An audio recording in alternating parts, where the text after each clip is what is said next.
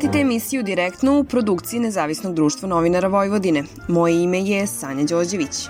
Svaki deseti građanin Srbije ima neki vid invaliditeta. Svaka deseta osoba koja se bavi politikom ne spada u ovu grupu ljudi. Koliko potrebe i problemi osoba sa invaliditetom mogu da se razmatraju u skupštinskim halama kada u njima nema onih koji ove probleme osjećaju na svojoj koži, sa kojim se preprekama suočavaju ljudi sa poteškoćama koji pokušavaju da se uključe u političke procese. Šta društvo dobije kada u procese donošenja odluka uključi kompletnu zajednicu? Na ova i slična pitanja odgovaraju Kristina Živankić i Milena Stojanović iz Centra za samostalni život osoba sa invaliditetom. Kristina Živankić iz Zrenjanina bila je jedna od pionire kada je učestvovanje osoba sa invaliditetom u politici u pitanju.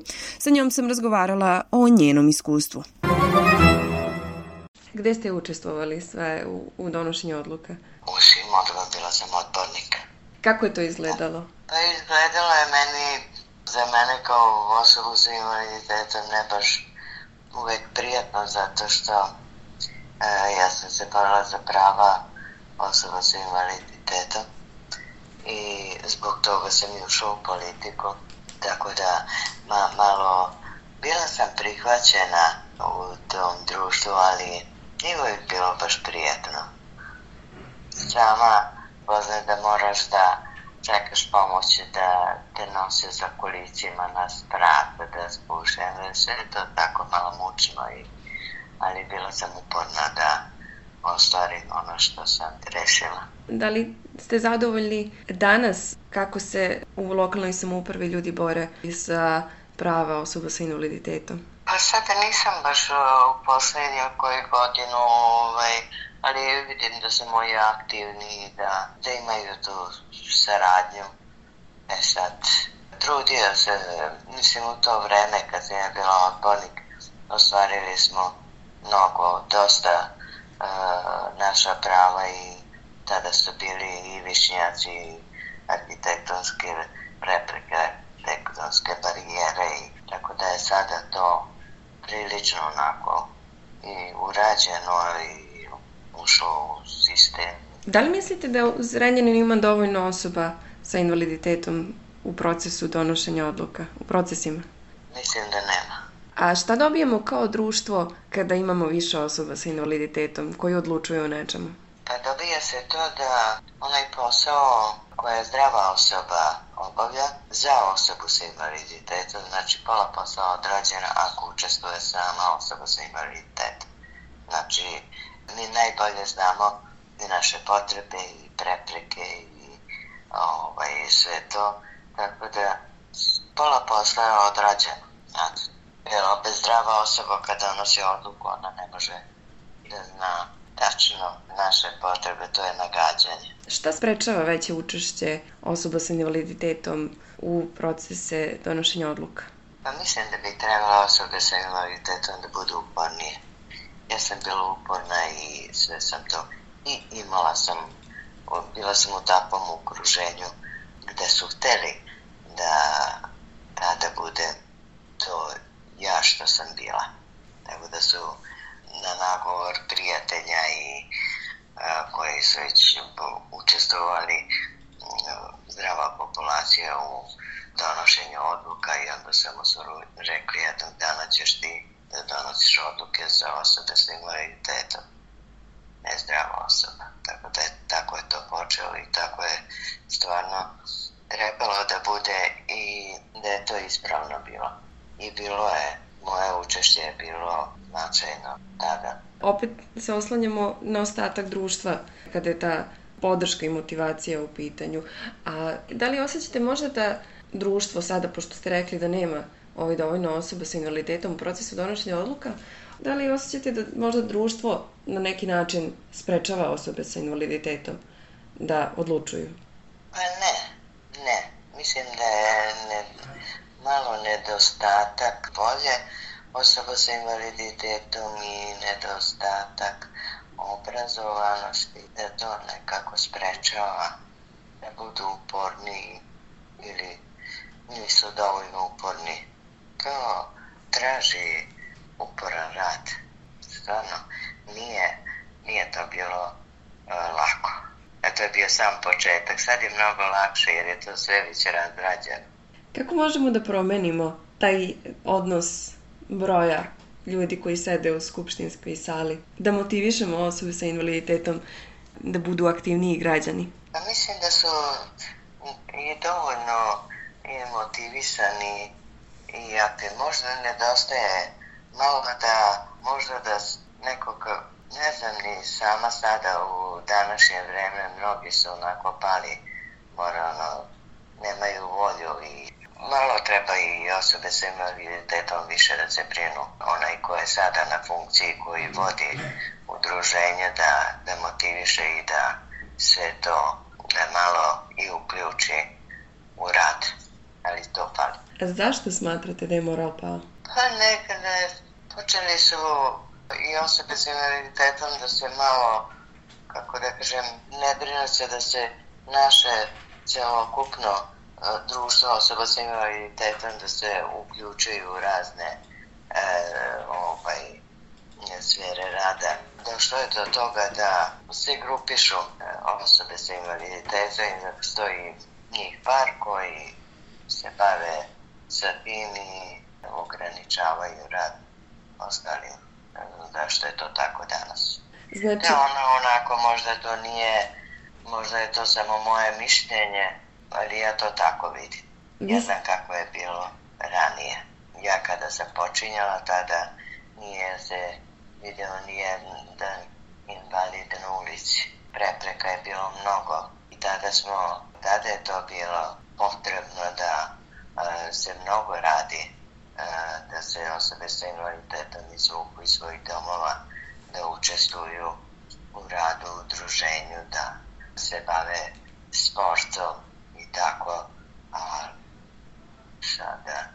Danas je ipak bolje. Pa jeste bolje, kako nije pre, nije bilo ništa. Danas je sve, znači vodi se računa o arhitektonskim barijerama, o, ovaj, upućeni su u raznim sportovima, imamo vrhunske sportiste osoba sa invaliditetom, to je sve rad od početka.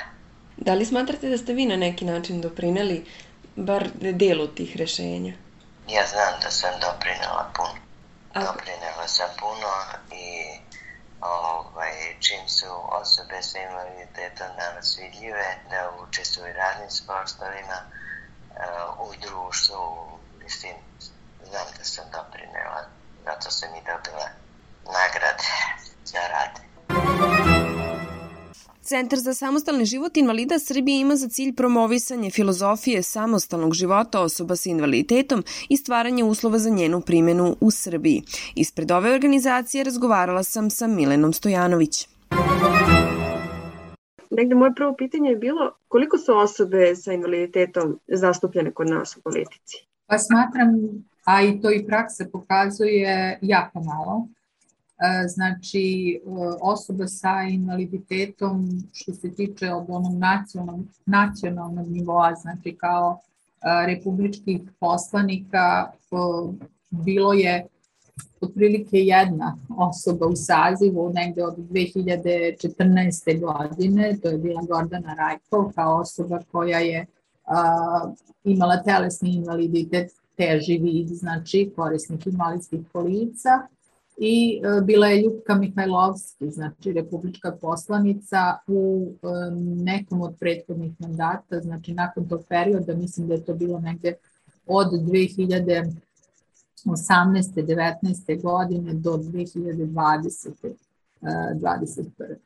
Znači, što se tiče republičkih e, poslanika, što se tiče lokalnog nivoa, pokrajinski ne znam baš najbolje kakvi su podaci, a što se tiče uh, odbornika u skupštinama gradova i opština, takođe je taj uh, broj jako, jako mali, praktično, praktično zanemarljiv. Šta to znači? To, zašto je takav broj Pa smatram da ni politički akteri e, ne prepoznaju osobe sa invaliditetom kao grupaciju koja bi trebalo da bude više e, zastupljena i u okviru političkih stranaka, ali i u okviru uopšte političkog angažovanja. E, politika nije samo da li ste republički ili tako poslanik ili odbornik na lokalnom nivou, politika je praktično naš svakodnevni život, to je učešće, aktivno učešće u e, radu različitih tela. To mogu da budu i neki saveti, radne grupe na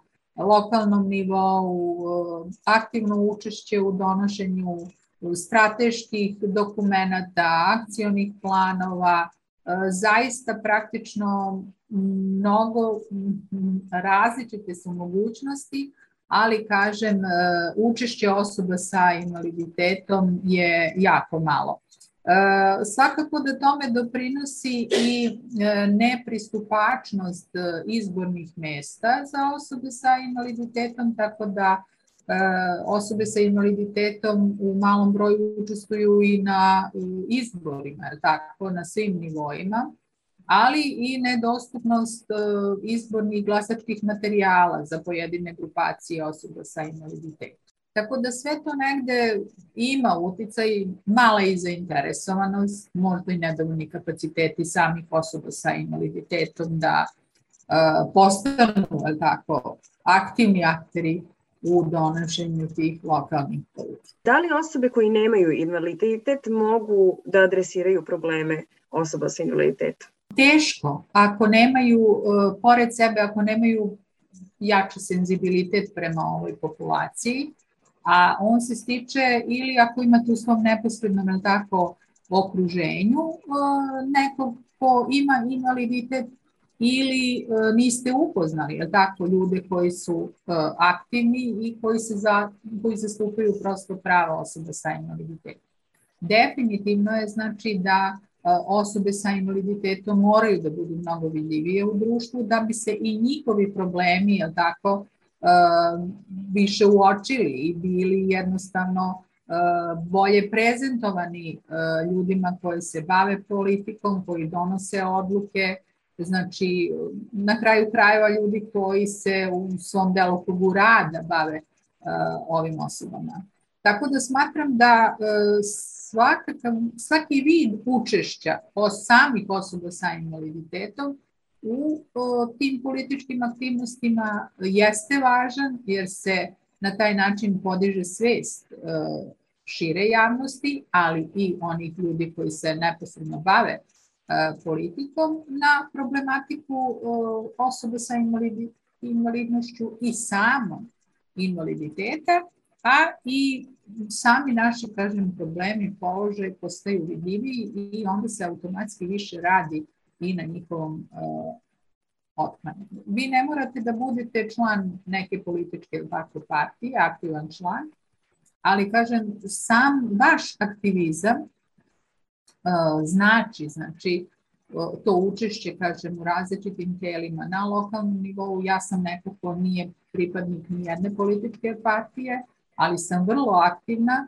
u zastupanju prava osoba sa invaliditetom, član sam uh, lokalnog saveta za unapređenje položaja i član sam bila radnih grupa koje su donosile znači, strateške dokumente na lokalnom nivou. I kažem veće učešće nas samih e, mnogo znači jer se i položaj kažem e, osoba sa invaliditetom u takvim sredinama e, unapređuje, vidljiviji smo, naši problemi su vidljiviji i prosto, kažem, više se radi na rešavanju tih problema. Rešenja su zapravo zaista jednostavna, tolika su prepreka. Kako postići veću vidljivost? Pa veću vidljivost e, morate da pokažete svojim aktivizmom. E sad, pitanje je koliko mogu uh, biti ljudi vidljivi u sredinama koje nisu pristupačne, znači koje jednostavno nemaju, nemate pristup e, javnim uslugama, javnim institucijama, E, nemate javni prevoz e, pristupačan, ulice infrastruktura su vrlo diskutabilnom prosto pitanju, jer jednostavno vaše kretanje, sloboda vašeg kretanja je prilično ograničena. Nedovoljni su servisi podrške, nedovoljno su razvijene usluge socijalne zaštite za pojedine kategorije jako bitne da bi oni bili vidljivi i aktivni članovi društva. To se posebno odnosi recimo na osobe koje imaju teže vidove e, invaliditete, otežano se kreću, koriste pomagala. Znači, njih to puno ograničava u tom uh, aktivizmu.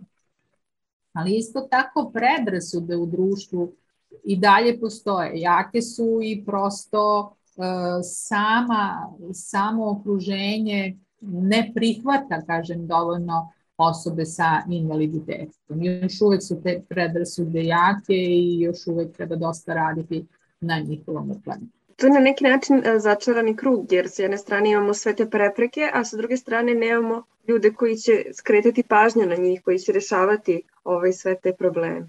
Ljudi postoje, ljudi su tu, samo je bitno da e, se po meni naprave e, prosto mehanizmi, tako, gde ćete vi moći da imate neki direktan kontakt, tako, sa ljudima koji rade na rešavanju tih pitanja, da možete da im izložite problematiku, da im, možete da im ponudite rešenje, nije bitno samo se žaliti, jel tako, trebate prosto ponuditi ljudima rešenje, moguće rešenje i zajednički raditi, kažem, na otklanjanju tih e, prepreka. Moja prethodna sagovornica je rekla da osobe s invaliditetom jednostavno nisu dovoljno motivisane da budu aktivne. Da li se vi slažete sa, sa tim? Pa ne znam šta, šta je za pojedine ljude motiv. Za mene je motiv da e, prvo unapredim kvalitet svog života, ali i kvalitet života mnogih drugih e, ljudi sa invaliditetom, jer smatram da imam kapacitete, razvijam ih, radim na tome, tako da pomognem, kažem, ne samo sebi, već i svim drugim i generacijama, tako nekim budućim, da žive u nekom pristupačnijem i dostupnijem društvu koje će imati veći stepen senzibilisanosti prema ovoj kategoriji stanovnika koji će jednostavno prepoznavati probleme i raditi da se oni uh, otklone. Uh, zato svoj neki rad dosta uh, posvećujem tako i mladima sa invaliditetom i bez invaliditeta, jer to su neke buduće generacije koje će jednostavno graditi ovu zemlju i te svoje lokalne zajednice i mislim da će doprinati da se otklone, otklone kažem, te predrasude i da društvo e, više prepoznaje potencijale koje neosporno osobe sa invaliditetom imaju i više će raditi da se e, otklone barijere svih vrsta u e, okruženju kako bi ovi ljudi zaista postali jednaki članovi društva i koji će ravnopravno, kažem, uzeti učešće u životu zajedno. Kako ne bi krivili samo osobe sa invaliditetom za tu pasivnost, šta društvo dobija kada uključi sve njene članove u procese donošenja odluka? Pa mislim da društvo isto dobija, jer kažem, potencijali neosporno postoje, predrasude treba otkloniti, društvo postaje mnogo demokratičnije, zna da sasluša, zna da zajednički uloži napore da svi članovi zajednice, jer mi jesmo ljudi kao i svi ostali bez onoga. Čestog epiteta koji nam se stavlja sa posebnim potrebama, mi smo jednostavno osobe koje neki su postigle tako i nivou svog rada i obrazovane su, zaista puno toga možemo pružiti zajednici ukoliko dobijemo šansu. Šanse su nam još uvek ograničene, u mnogim oblastima, ali mislim da nije nepremostivo da zaista postanemo e, društvo koje će prihvatiti različitosti. Još jedno pitanje za kraj. Koje su konkretna rešenja? Šta konkretno treba uraditi kako bi imali tu veću uključenost? Pa mislim da e, pre svega one zakone koji postoje, tako, i koji nisu toliko loši. Mogu da kažem, poredit će se sa nekim okruženjem, jer dosta pratim i regionalne tako, zemlje. U mnogim stvarima smo negde išli korak napred. Ono što nama fali jeste primjena u praksi, a ta primjena u praksi je pre svega da ti zakoni zažive tamo gde žive ljudi, tako, i da se primenjuju, da e, jednostavno mi postanemo e, mnogo aktivniji e, i aktivni, kažem, učesnici, da se izborimo za svoje mesto u svim onim telima koje donose tako odluke o našem životu. Tako da mislim da je tu negde pravo rešenje. Ova emisija realizovana je uz finansijsku pomoć programa tranzicione saradnje Republike Češke.